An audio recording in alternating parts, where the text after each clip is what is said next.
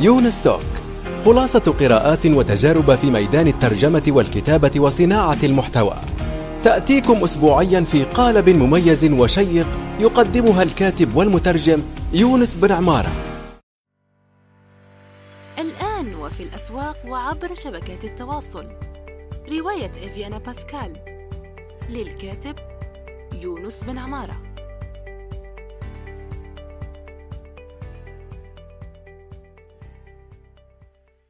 إن خير من استكتبت قلم قوي وفكر رصين. استكتب. منصة صناعة المحتوى النصي في العالم العربي. السلام عليكم ورحمة الله وبركاته. مساء الخير صباح الخير أينما كنتم حسب توقيت المنطقة أو يعني المنطقة الجغرافية التي تعيشون فيها وتتابعون هذا البرنامج يونستوك المختص ب الترجمة وصناعة المحتوى الإدارة والعلوم. سوف نجيب في هذه الحلقة عن سؤال وصلني عبر آه، البريد الإلكتروني وهو يقول مرحبا أخ يونس مرحبا بك صديقي. آه، يقول البعض أنك إذا أردت أن تعمل كمترجم مستقل في السوق العربية في السوق العربي فعليك أن تترجم في كل شيء ولا تتخصص في مجال معين. فهل تتفق مع هذا الرأي؟ وإذا كان الجواب لا فكيف يمكن للمترجم اختيار تخصصه؟ وماذا تنصح للتعمق فيه في اللغتين؟ تحياتي لك. تحياتي لك أيضا. آه هذا السؤال الثاني. من الأخ الذي أرسل سؤال الحلقة الماضية أه سوف وشكرا أولا على وفائك ومتابعتك للبودكاست. أرجو أن تشاركه مع أه المعنيين والمهتمين بالموضوع. أه قبل أن نجيب يعني عن السؤال هذا أشير إلى أن في أحد المقالات التي ترجمتها و يعني ليس ترجمتها بالضبط يعني المقالات التي كتبتها آه، تحكي عن موضوع آه، سماه الدكتور آه، المترجم شيخ المترجمين كما يسمى في مصر محمد عناني أنه مرحلة المرمطة. هو السؤال هنا يعني يقول فهل تتفق مع هذا الرأي؟ أي رأي يعني تترجم في كل شيء ولا تتخصص في مجال معين؟ هي مرحلة في الحقيقة يعني لا أفضل أن أجاوب عنه يعني بنعم أو لا. الجواب لو لو يكون نعم أو لا في هذه الحالة يكون خاطئ. يعني هي المرحلة هي آه، ترجمة في كل شيء يعني هي مرحلة آه، يشير المترجمون المحترفون إلى ضرورة وجودها. لدى أي مترجم يعني يريد أن يتفرغ ويمضي آه، قدما ويعني يصبح مترجم محترف وله سمعته المميزة في السوق العربية. يعني يقولون أنها مرحلة. وسوف نضرب عن المثال من الذي يقول بالضبط. يعني من الذي يقول؟ سوف نأتي بشهادة آه، من الجيل آه، السابق وهو جيل محمد عناني الذي تجاوز عمره السبعون أطال الله في عمره. ونأتي بشهادة أيضا من الجيل الجديد الممثلة في المترجم المميز هشام فهمي الذي ترجم سلسلة صراع العروش والهوبيت وبعض من روائع مثل فرانكشتاين بعض من روائع الروايات الغربية. إذا سوف نذهب إلى شهادة هذين المترجمين المحنكين. كما قلنا من الجيل السابق والجيل الجديد حيث تقول الشهادة الأولى وسوف نضع أكيد رابط لأن هذه الشهادة الأولى التي أتت من آه، الجيل القديم يعني أو الجيل السابق هي من مقتطفة من آه، حوار مع الأستاذ الدكتور محمد عناني لكن نحن سوف نأخذ فقط ما يهمنا هنا وهو ضرورة تدرب المترجم على مختلف أنواع الترجمة في بدايته. والنص يقول لا يصبح المترجم مترجما إلا بمروره بمرحلة أسميها أنا مرحلة المرمطة. وهنا السياق يعني حديث آه، الدكتور محمد عناني. أسميها أنا مرحلة المرمطة في الترجمة يعمل فيها المترجم في مطبخ الترجمة لعشر سنين على الأقل. يعمل يوميا بالترجمة لشتى العلوم. وهذا ما فعلته فخلال فترة إقامتي في إنجلترا ترجمت تقارير صادرة عن العفو الدولية يعني منظمة العفو الدولية وللأرصاد الجوية ومنظمة العمل الدولية والصحة العالمية والأغذية والزراعة. ولكن ولكن المترجمين وخصوصا الجيل الجديد يتعجلون بالترجمة والنشر دون بذل المجهود المطلوب ولذلك تخرج الترجمات سيئة. هذا كما قلنا يعني جزء من الحوار ويحكي فيه عن ضرورة مرحلة المرمطة هنا فقط لدي ملاحظة عن الموضوع وهو عشر سنين. عشر سنين مدة طويلة جدا خاصة في عصر السرعة هذا ولا أتفق مع الدكتور مع احترامي الشديد لوجهة نظره الدكتور محمد عناني في هذا الأمر وأنا أقلصها فقط لمدة عامين. وسوف نحكي أيضا لماذا مدة عامين بالضبط. لكن قبل ذلك سوف نذهب إلى النص الثاني والذي يمثل شهادة الجيل الجديد الممثلة في المترجم الشاب هشام فهمي. آه، بالضبط صفحة سبعة أو ثمانية من آه، سبعة, سبعة وثمانية من آه، كتاب المترجم الجزء الثاني المترجم الجزء الثاني الذي صدر عن دار أكتب وهو يقول عن نفسي أمارس الترجمة منذ أربعة عشر, أربعة عشر عاما كاملة وقد ترجمت في مجالات عديدة قبل أن أقرر احتراف الترجمة الأدبية ومرت علي ترجمات قانونية وطبية ورياضية وتاريخية وفلسفية وعلمية ومارست أيضا ترجمة الأفلام والمسلسلات وفي مرحلة ما قضيت عاما أو أكثر في ترجمة وصفات الطهي والتطريز وموضوعات المرأة والطفل. وخلال كل هذا كنت أحاول بالتدريج ومع سنين الخبرة والتعلم أن أوصل النص العربي الناتج للقارئ بأسلس طريقة ممكنة لكن هذا لا يعني أني أركز على استخدام الكلمات السهلة جدا فقط. فأقلل من قيمة النص إذا كانت لغته تحتاج أسلوبا أكثر بلاغة أو أن أجنح إلى استخدام الكلمات المتكلفة المعقدة في نص لا يحتمل ذلك. وهذا أيضا آه، هنا ينتهي كلام المترجم آه، القدير هشام فهمي الذي نحييه من هنا. ونشكره على ما يقدمه للمكتبة العربية من إثراء وروعة وعمل متقن. هو وثلة المترجمين الشباب الذين تزدان بهم الساحة العربية حاليا والذين ندعو المترجمين الآخرين الشباب الشبان والشابات لبذل المزيد من الجهد للانضمام لهذه الكوكبة المختارة والنخبة المميزة. إذا هو يعني حتى في كلمته الأخيرة آه، وضع يعني قاعدة مهمة جدا للمترجمين وهي أنه لا يركز على استخدام الكلمات السهلة جدا إلا إذا كان النص يتطلب ذلك. أيضا في حالة النصوص السهلة لا يستخدم الكلمات المتكلفة المعقدة في نص لا يحتمل ذلك. هذه أيضا ميزان من آه، آه، الموازين المستعملة لدى المترجمين المحنكين. كما قلنا هنا نرجع إلى كلمتنا السابقة حول كلمة عامين. لماذا عامين؟ لأن كما قلنا هي ليست بالضبط بالضبط يعني بدقة حسابية رياضية دقيقة عامين يعني. لا لكن حسب خبرتي الشخصية يعني وحسب ما تكلمت فيه مع المترجمين الآخرين والذي أعرفهم عنهم هو أن عامين فترة كافية خاصة مثلا لو عملنا يعني ستة أشهر للتدرب الأولي. ستة أشهر يعني بعد التخرج خاصة لو كنت يعني طالب أدب آه، إنجليزي أو أدب إسباني أو أدب فرنسي أو آه، أدب أجنبي على كل حال.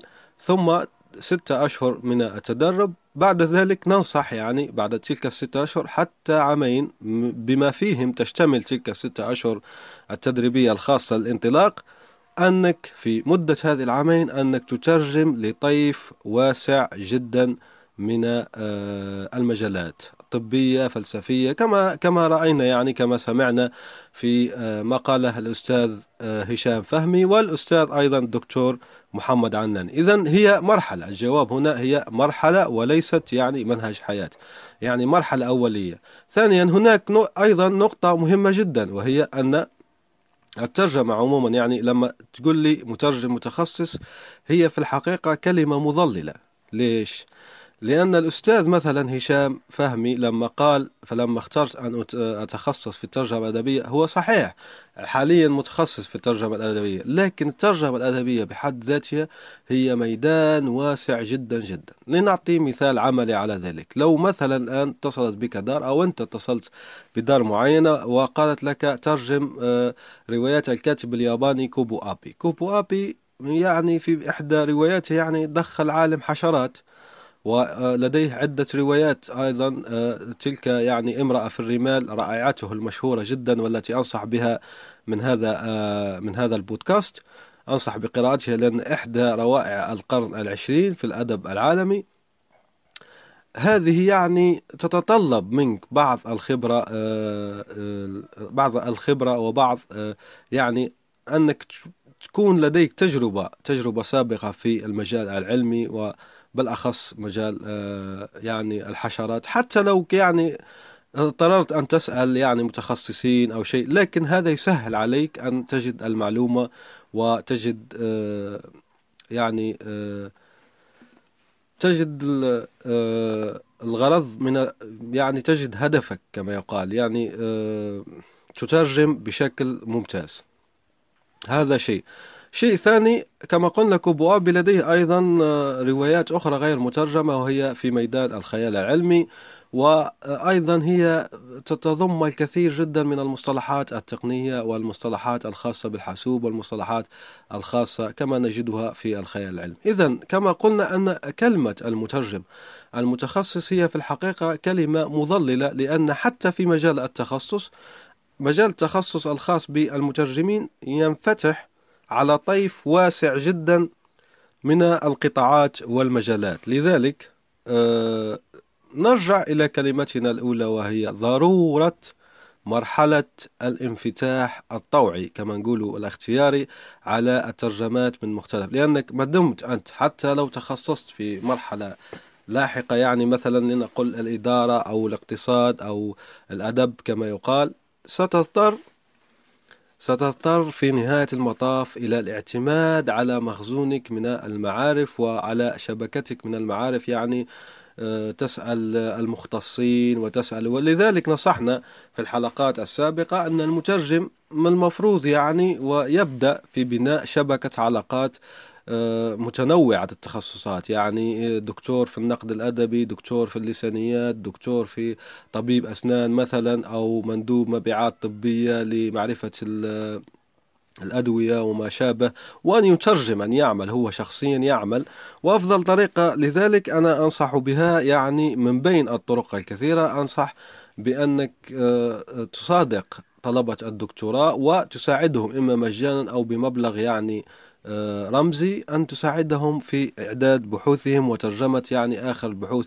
يعني مثلا لو لا تترجم آه، طالب في مجال القانون تترجم له آه، عقود أو شيء من هذا القبيل وتترجم أيضا ملفات طالب دكتوراه في علم النفس وتترجم أيضا ملفات للإرشاد التربوي وتترجم وشيء من هذا القبيل. فتتكون لديك هنا حصيلة مهمة. كما قلنا أيضا تنتمي إلى الستة أشهر الخاصة بالتدريب التي حددتها.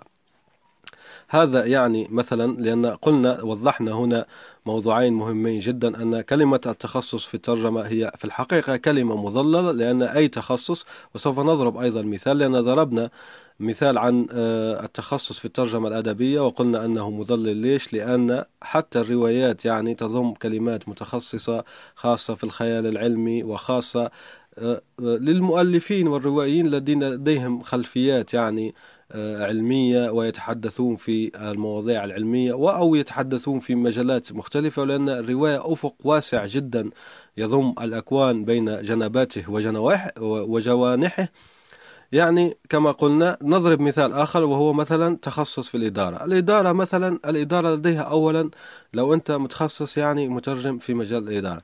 إدارة أولا متطورة يعني كل كل كل أسبوع هناك عدة مقالات وأوراق بحثية تنشر في المجلات العلمية المحكمة منهجيات الإدارة الجديدة. هذا أولا.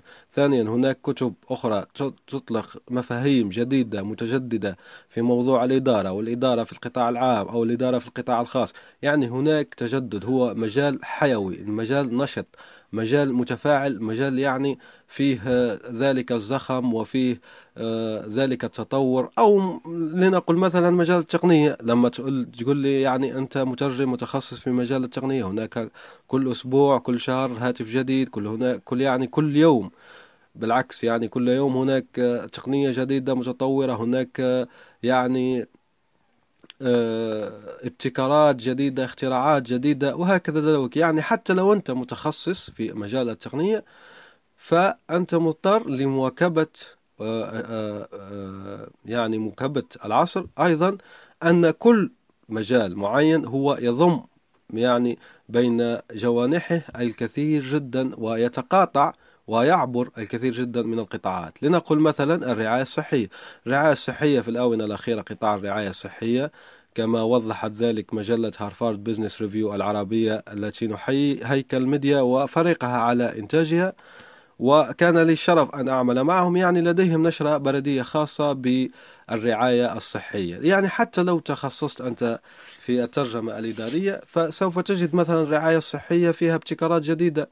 يعني تتطلب منك معرفة حتى ولو كانت يعني معرفة آه، عامة ثقافة عامة بالمجال الطبي. وأحيانا تتطلب منك معرفة متخصصة في المجال الطبي لكي تعرف ما الذي يفعله بالضبط. ذلك الجهاز يعني المبتكر الجديد في هذا المجال. أرجو أن أكون قد وضحت يعني هذه النقطة. وكما قلنا هي مرحلة ليس الجواب عن سؤالك أخي العزيز يعني بنعم أو لا بل هي مرحلة وهي واجبة.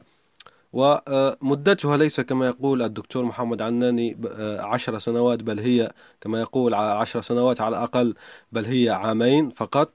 والعامين هؤلاء هذين العامين يعني سوف يدفعونك قدما ويعطونك العديد جدا من الفوائد تكون بها مخزون معرفي مهم جدا سيساعدك لما تتخصص في وقت لاحق وكما قلنا أن التخصص في الترجمة هي كلمة مظللة ليش؟ لأن كل تخصص يحوي ويتقاطع ويتشابك ويتبادل مع القطاعات الأخرى. فالمخزون الذي بنيناه كما قلنا في مدة عامين يصبح ضرورة ويصبح حجر أساس للانطلاق ومنصة للانطلاق والمضي قدما في حياتك كمترجم مستقل في العالم العربي.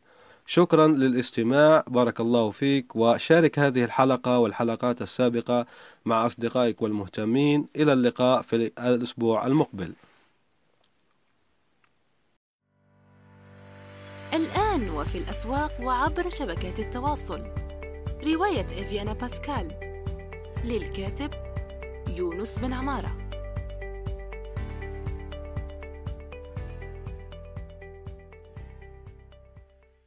إن خير من استكتبت قلم قوي وفكر رصين. استكتب.